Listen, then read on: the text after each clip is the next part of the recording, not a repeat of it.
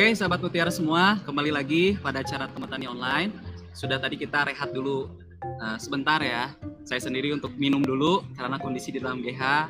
Terus mohon maaf jika kami sedikit sipit matanya karena arah matahari dari kebetulan dari arah sana.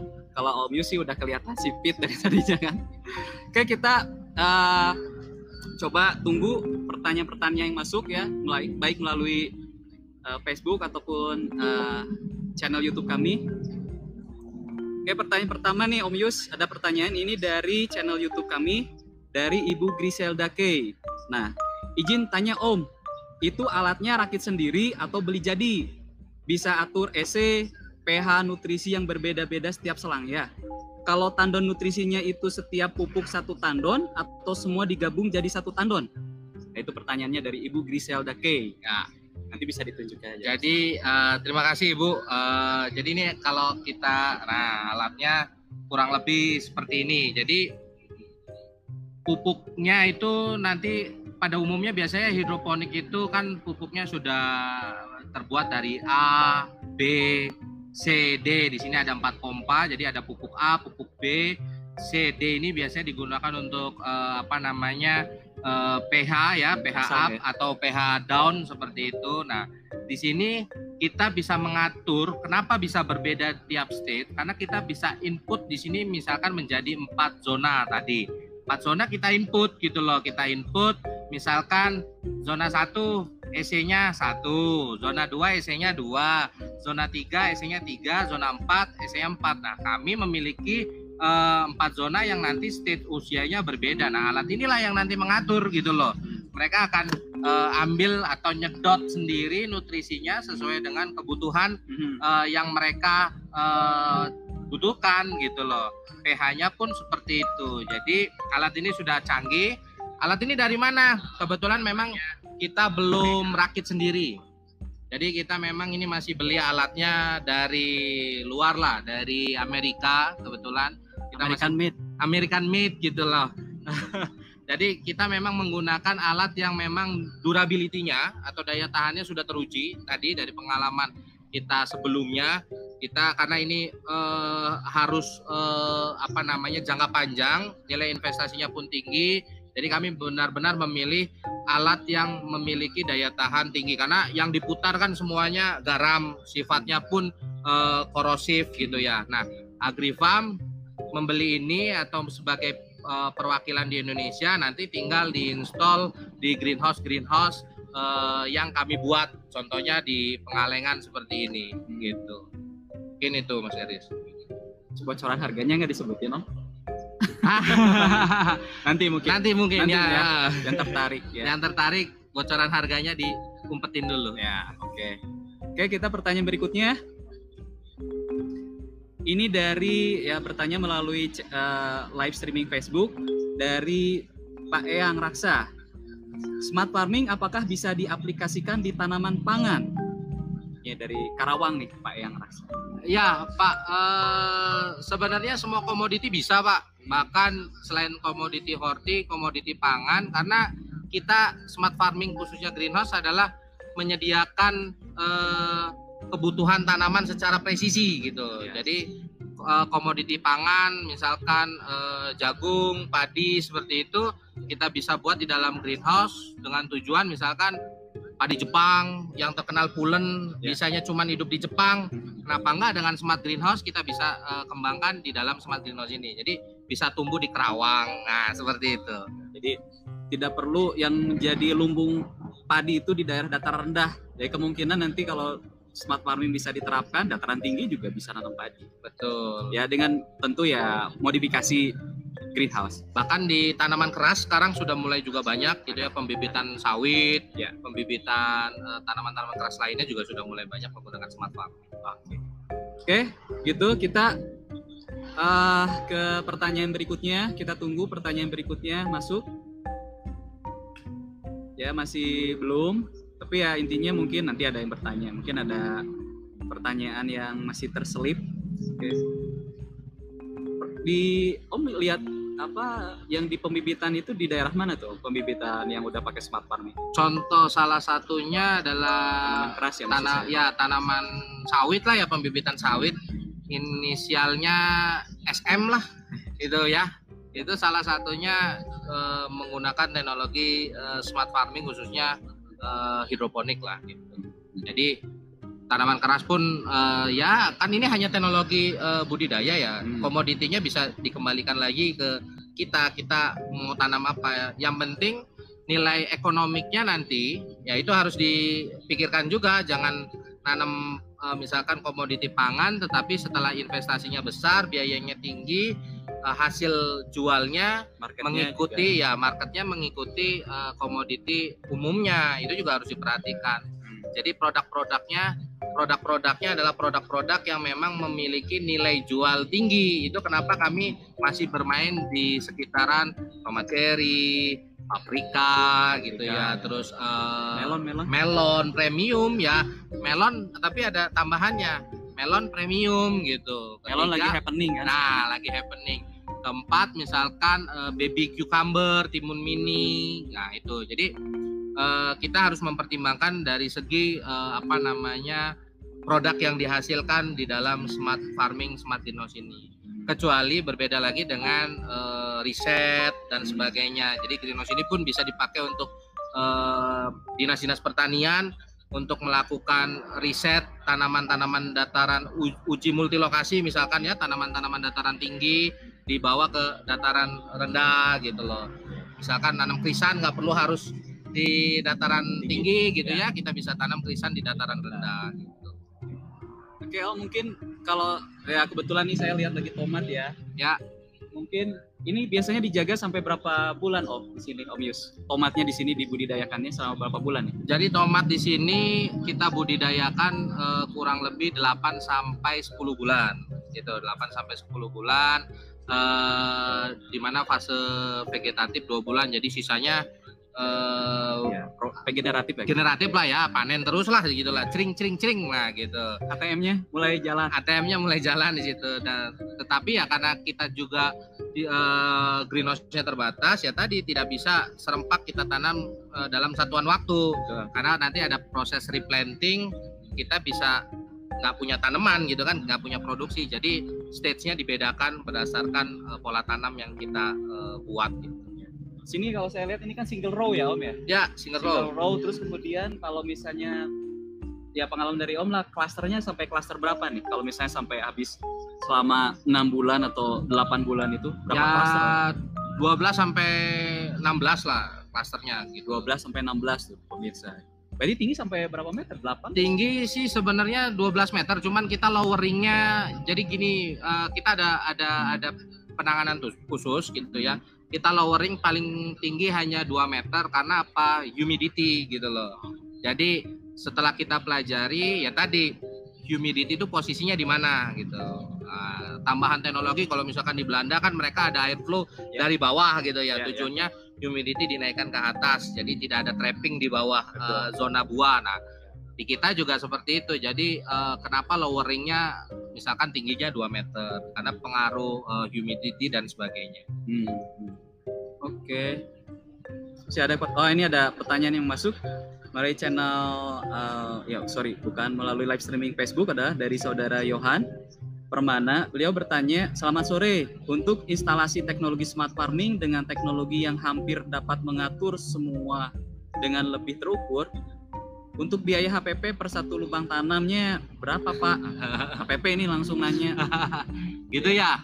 Jadi uh, biaya produksi kami di sini buka-bukaan ya, gitu ya. ya memang tergantung nanti kan kalau customer kan tergantung mau paket apa mungkin oh, gitu. Ya, Tapi jadi ya kurang lebih lah. Contoh ya tomat yang di sini gitu nah, ya, ini. kita kita bicara yang di sini aja ya. Itu biaya produksinya kurang lebih sekitar 10.000 per kilo gitu. sepuluh ribu per kilo. Sepuluh ribu per kilo gitu. Dan harganya kan tadi udah dibocorin ya harga jual kita berapa gitu, gitu. bocorin sekarang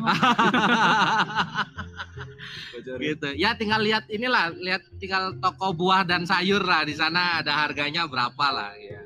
Apalagi dijualnya per 200 gram kan ya gitulah ya. Ya seperti itu. Jadi so ya saudara Yohan tadi ya jawabannya. Kita langsung pertanyaan berikutnya mungkin Ah ini dari Pak Eyang Raksa lagi bertanya lagi. Beliau bertanya luasan ideal untuk smart greenhouse berapa meter persegi? Nah ini jadi tadi untuk memenuhi biaya uh, HPP yang uh, ekonomi seperti tadi, memang ada uh, economic scale-nya. Jadi luasan minimumnya berapa? Nah untuk smart farming ini minimum adalah 5.000 meter persegi. Nah 5.000 meter ya, persegi. alasannya kenapa? Karena ada alat ya yang harus kita beli. Mau kita bikinnya greenhouse smart farming 1.000 meter, mau 2.000 meter, mau 5000 meter atau 1000 meter, alat itu harus kita beli. Hmm. Di mana alat tersebut investasinya bisa dibilang paling tinggi gitu. Contoh yang uh, dosing mesin gitu ya. Kita dosing mesin yang ada di uh, Greenhouse Nudira ini harganya itu mungkin hampir sama dengan uh, Innova gitu ya. Dengan Innova gitu. Nah, artinya pada saat kita buat greenhouse 1000 meter ya harus beli itu. Ya. Gitu. Buat 2000 meter harus beli itu buat 5000 sampai 1 hektar harus beli itu. Jadi kalau kita bikin uh, eh, 1000 dan 5000 pasti lebih ekonomis di ukuran 5000 meter persegi. Itu alasannya. Jadi memang beberapa equipment ini uh, scoop uh, areanya begitu besar. Jadi kalau kita ukurannya kurang pas ya nanti jatuhnya biaya produksinya akan sangat tinggi. Hmm. Jadi memang harus tepat. Ini sendiri kan garansi ya, Om? Kalau ini ya tetap kita garansi karena kita agentnya di Indonesia. Kalau ini sih nggak semahal Innova lah. Ini masih masih lebih murah lah. Ya Avanza second lah. Avanza second. di masa pandemi, di masa pandemi harga corona gitu kan. Seperti itu. Oke kita langsung pertanyaan berikutnya. Oke, ini dari ya bertanya melalui channel, eh, sorry, dari live streaming Facebook adalah dari saudara Yayan ya, Yayan Wiandiana. Beliau bertanya, halo Om Yus, halo. Untuk di smart farming, untuk di smart farming semua parameter kan sudah sedemikian rupa diatur seperti yang tadi diuraikan tadi. Kalau untuk pengendalian OPT-nya seperti apa ya? Karena OPT juga salah satu faktor pembatas produksi. Terima kasih. Ya, jadi itu hubungannya kenapa kita semua atur di dalam uh, greenhouse tujuan utama juga untuk pengendalian OPT gitu ya. ya. Dalam artian kami ingin mencapai produk yang sehat, fresh, terutama zero uh, zero pesticide begitu ya. Jadi penggunaan penggunaan artinya pengendalian OPT akan sangat rendah sekali gitu. Misalkan ya kita menggunakan uh, kalau memang urgent artinya pada saat dibutuhkan sekali ya kita menggunakan eh, bahan-bahan yang masih sifatnya uh, green label lah hmm. yang masih bisa label hijau label hijau ya label hijau gitu yang uh, potensi residunya itu cepat cepat terurai. hilang terurai dan sebagainya jadi saya juga tidak mau menutup ke apa namanya cerita di dalam greenhouse bahwa dengan kondisi seperti ini memang kita masih masih apa namanya melakukan treatment seperti itu tetapi jauh sekali lebih safety lebih baik lebih sehat dengan bahan-bahan yang memang eh, apa namanya eh, lebih inilah lebih lebih hijau seperti itu. Karena apa? hijau. ya kenapa? Kenapa kita produknya dituntut ya. kita nanti ada sertifikasi seperti itu ada uji residu nah pada saat kita tidak melakukan SOP yang baik dan benar, terutama penggunaan e, pestisida, ya produk kita pasti ditolak. Oke, mungkin Saudara Yan, kalau saya ingin menambahkan mungkin, jadi buat sahabat mutiara semua juga, mungkin kalau kita ingat di Temu Tani Online episode yang keempat mungkin, kita waktu itu narasumbernya adalah Pak Panut ya. Mungkin kalau untuk ya pengendalian OPT-nya hama, mungkin kita bisa lihat amang ekonomi ya kelihatan ya ada hama, oh ini baru kita aplikasi. Betul. Tapi mau tidak mau yang namanya jamur atau fungi, nah. mau tidak mau kita memang dituntut harus proteksi ya daripada kita telat karena jamur ini apalagi kalau uh, ini kelembaban udara juga mendukung itu penyebarannya cepat sekali. Jadi mungkin nambahin jadi kalau di greenhouse memang OPT-nya bukan hanya bukan berbentuk insek insek tapi memang lebih kita menjaga dari penyakit ya. fungi ya, fungi, ya. penyakit seperti itu. Dan uh, sahabat mutiara tidak usah khawatir penggunaan pestisida selama kaidah aturannya juga dipakai dan kita biasanya hentikan pestisida di dua minggu sebelum panen Betul. itu residu udah bisa dibilang udah aman lah untuk konsumsi manusia seperti itu. Oke kita lanjut ke pertanyaan berikutnya. Oh, masih menunggu pertanyaan uh, berikutnya. Uh, mungkin nanti ada masuk lagi. Oke nih. Kira-kira Om Yus nih apa nih? Misalnya dari pengalaman Om Yus nih yang paling jauh nih buat greenhouse ini di mana sih? Di mana gitu ya? Iya, itu menarik juga tuh. Kita bikin greenhouse kebetulan dari Aceh. Eh, Aceh kita bikin sekarang kita lagi jalan di Takengon gitu kan. Takengon? Iya, pasti Merauke produk MTJ ada di sana tuh karena di sana komoditi eh, cabe dan kopi gitu kan. Paling jauh dari eh, Takengon sampai ke Buepe, Merauke. Merauke. Betul. Papua? Papua perbatasan dengan Papua Nugini. Jadi kita mau ke lokasi aja naik eh, perahu kepek. Merauke. Iya, kutuk kutuk kutuk kutuk kutuk kutuk. Ah, begitu.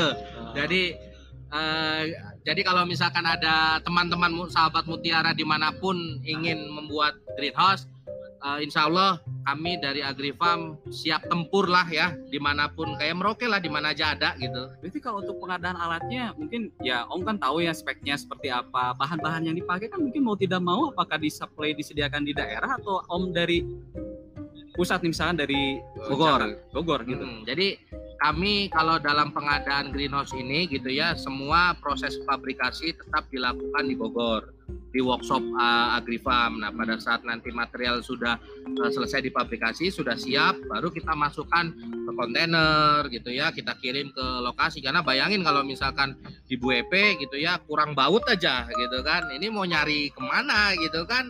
Nah, hal-hal yang seperti itu sudah kita antisipasi dengan pengiriman ya material selengkap mungkin dan kita sudah tambahkan ekstra lah seperti itu. Jadi Berarti ada ada biaya ekstra kan karena mungkin ya kos tadi di ongkos kan yang Betul. jadi nanti kalau beda daerah biasanya ya kita eh, ada tambahan biaya transportasi lah seperti itu.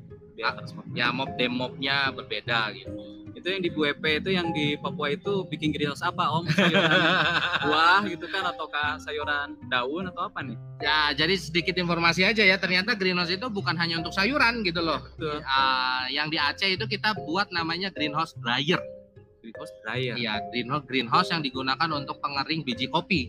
Nah, Oh. gitu. Oke. Gitu ya. Terus yang di Merauke itu digunakan untuk pembibitan tanaman keras. Gitu. Pantasan Om tadi cerita kan. Betul. Tanaman keras. Jadi fungsi greenhouse sebetulnya banyak ya, bukan hanya untuk digunakan untuk menanam sayuran ataupun buah-buahan. Oke, kita tunggu ada pertanyaan masuk mungkin. Ah, ini yang nanya kawan ini Om. ya bertanya melalui channel eh, YouTube kami yaitu Pak Ardi Seno. Wah, Beliau bertanya, itu suhu saya itu. Nggak boleh nanya harusnya. beliau bertanya apa alasan Om Yus memilih vertigasi tetes sebagai pilihan sistem dalam menanam tomat? Kaitannya dengan smart farming juga. Salam kata beliau. Ini kayaknya saya lagi ujian gitu. ya maksudnya supaya sahabat mutiara juga mungkin iya ya kenapa ya kenapa harus itu kenapa nggak Dutch paket gitu kan ya, jadi kenapa irigasi tetes? Satu yang berhubungan dengan smart farming, irigasi tetes adalah salah satu teknik atau cara irigasi eh, pemupukan irigasi yang bisa eh, presisi di tiap titiknya. Jadi apa yang diberikan oleh kita ke tanaman, bayangkan di sini ada 9.000 populasi gitu ya. Kalau kita ingin seragam, itu harus memberikan yang sama. Jangan kayak saya sama Mas Garis. Saya badannya segini, Mas Garis badan segini. Ini karena bukan diirigasi tetes gitu. Kita Mas Garis nggak tahu makan di mana, saya makan di mana.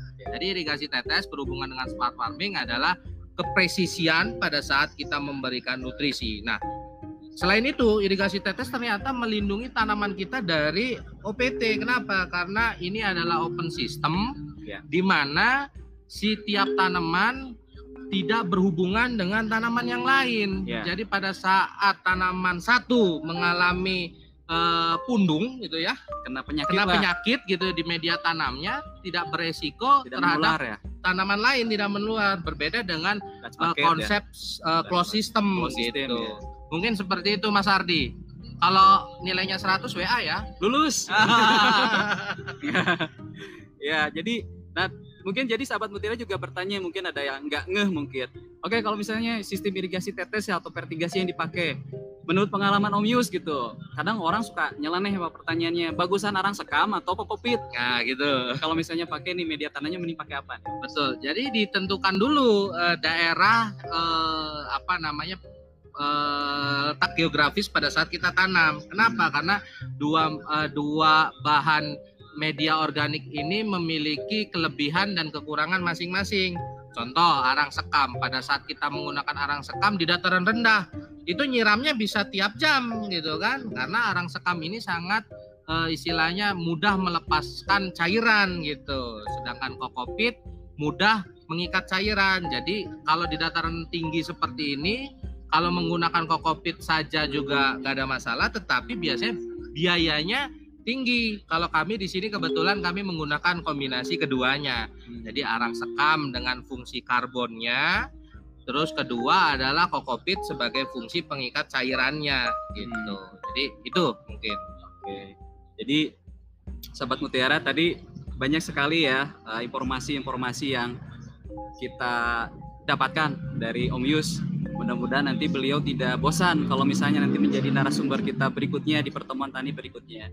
Oke, Siap. mungkin eh, Om Yus eh, mungkin waktu juga yang memang kita udah masuk ya ke Ini nggak la- akhir- nggak lama nih kayaknya nih. lama Waduh, ya. ini persiapannya saya dari sebulan yang lalu.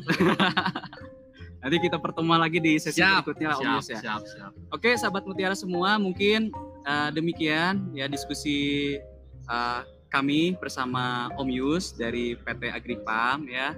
Jadi kesimpulannya mungkin kurang lebih seperti ini. Jadi smart farming ini adalah salah salah satu yang mau tidak mau ini menjadi solusi untuk pertanian kita ke depan. Ya, kita ketahui bersama mungkin tantangan secara global adalah di tahun 2030 mungkin populasi manusia itu mungkin akan mencapai sekitar 9 atau 10 miliar. Nah, kebutuhan pangannya akan dipenuhi seperti apa? Kalau misalnya ya teknologi smart farming ini tidak dikembangkan, mau tidak mau memang harus sudah mulai dikembangkan dari sekarang ya. Contoh dengan ya di Indonesia sendiri ya saya juga patut bangga gitu kami patut bangga adalah ya ini salah satunya dari Agrifam. Ini sudah mulai ya istilahnya bu- bukan dari sekarang mungkin dari yang lalu-lalu beberapa tahun lalu udah memulai teknologi smart farming ini. Ya kalau kita lihat ya, kasus misalnya studi kasus lah kita bisa lihat kan negara yang berhasil dengan smart farming ini adalah contohnya kita lihat Belanda kan Wis. Sama nggak sama di Belanda? Ya, Beda-beda tipis ya. gitu. beda-beda tipis gitu. Dengan luasan lahan atau negara yang hanya sedemikian eh, luas, ya si Belanda ini, tapi dia bisa menjadi salah satu ya negara yang mengekspor ya, Ya, tomat gitu tomat. kan, salah satu yang terbesar di dunia gitu. Nah jadi smart farming ini tentu bisa menjadi solusi eh, pertanian Indonesia di masa depan ya. Bagi sahabat Mutiara, jika temu tani online ini dirasa bermanfaat, silakan sahabat Mutiara bisa share sebanyak-banyaknya di sosial media sahabat Mutiara semua ya. Jangan lupa juga sahabat Mutiara untuk bisa bergabung di grup eh, Telegram kami yaitu pertama adalah grup Telegram Komunitas MPK Mutiara, yang kedua adalah Hidroponik Mutiara. Jangan lupa untuk subscribe dan pentung tanda loncengnya channel YouTube kami yaitu MPK Mutiara TV. Terus ikutin juga sosial media kami lainnya yaitu di Instagram, ya di eh, Facebook juga ya untuk di like dan follow akun Facebook dan eh, Instagram kami yaitu Meroket Tetap Jaya. Nah, akhir kata mungkin saya bersama Om Yus langsung live dari Pangalengan kami mohon pamit. Terima kasih banyak atas perhatiannya. Sampai berjumpa di lain kesempatan di temu tani online kami berikutnya. Akhir kata kami mohon pamit. Assalamualaikum warahmatullahi wabarakatuh. Salam Mutiara.